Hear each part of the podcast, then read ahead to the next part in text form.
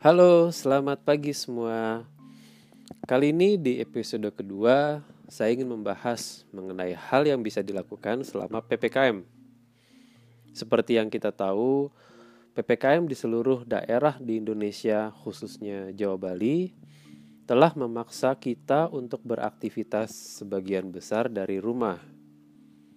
Memang banyak juga yang bekerja di luar rumah agar bisa menghidupi keluarganya namun semoga mereka yang bekerja di luar rumah bisa tetap disiplin menjalankan protokol kesehatan. Alhamdulillah sampai saat ini saya berkesempatan masih bisa bekerja dari rumah atau work from home. Karena kebijakan perusahaan tempat saya bekerja selama pandemi ini. Anak yang paling besar juga sekolah dari rumah dengan metode homeschooling mandiri. Saya dan istri sudah divaksin yang pertama dan saat ini sedang menunggu vaksin yang kedua.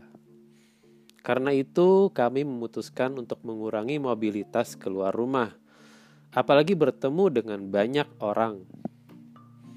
Mengenai belanja kebutuhan seperti makanan, baju, dan lain-lain, kami lakukan secara online.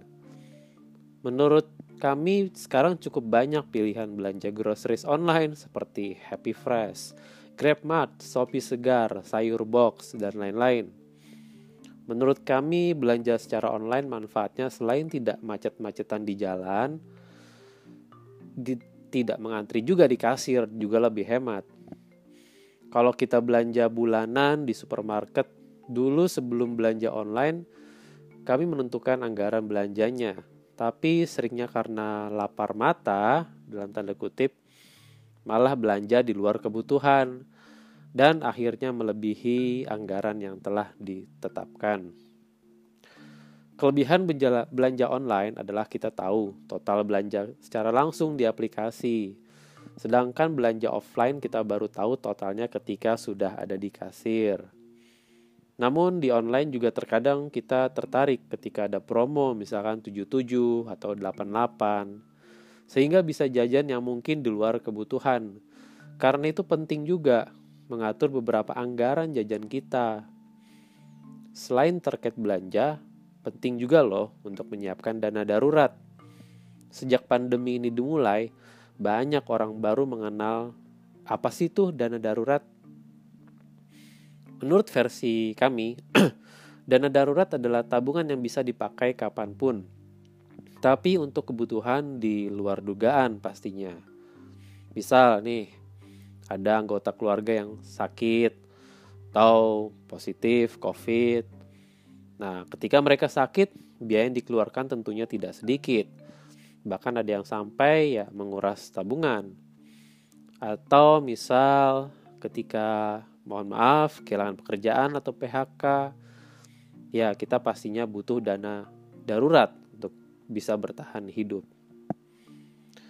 Masa pandemi ini memang ya luar biasa ya efeknya dari kesehatan, ekonomi, karena keduanya ya bagaikan, bagaikan dua sisi mata uang penting. Kalau kita tidak sehat ya kita gak bisa bekerja bukan? Dan tanpa penghasilan pun kita tidak bisa membayar biaya pengobatan kalau sakit. Karena itu, di saat seperti ini kita harus sadar bahwa risiko kesehatan dan risiko kematian itu pasti terjadi. Hanya saja ya kita tidak tahu kapan itu terjadi. Siapa yang akan kesusahan kalau kita sakit? Ya atau maaf ya, jika kita meninggal dunia, siapa yang akan kesulitan?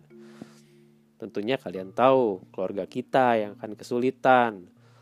Ketika kita sakit atau meninggal dunia, apalagi kalau mereka menjadi tanggungan kita untuk menghidupi mereka. Kalau begitu, apa sih yang bisa kita lakukan?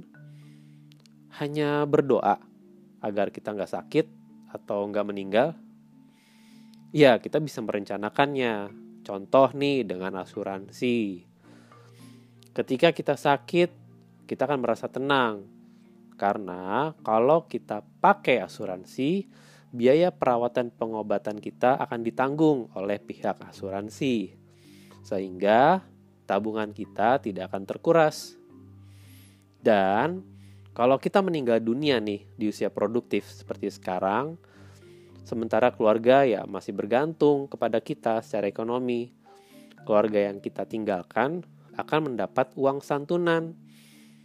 Idealnya sebesar pengeluaran mereka selama beberapa bulan Contoh misalkan 100 bulan.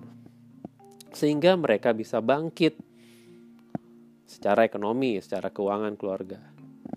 Sedangkan yang memiliki anak nih masih sekolah, mereka butuh biaya pendidikan yang ya alhamdulillah kalau mendapat uang santunan dari asuransi biaya pendidikan mereka bisa tercover. Jadi kembali ke diri kita sendiri. Apakah kita mengerti apa tujuan dari PPKM? Kita mau menjalankan protokol kesehatan dan tentunya bagi yang punya kesempatan di rumah, lakukanlah banyak aktivitas di rumah saja. Dan apakah kita juga mengerti adanya risiko seperti tadi kesehatan dan risiko kematian yang pasti terjadi. Mari kita merenung sejenak dan kita harus merencanakan ulang seperti apa masa depan kita. Terima kasih telah mendengarkan. Wassalamualaikum warahmatullahi wabarakatuh.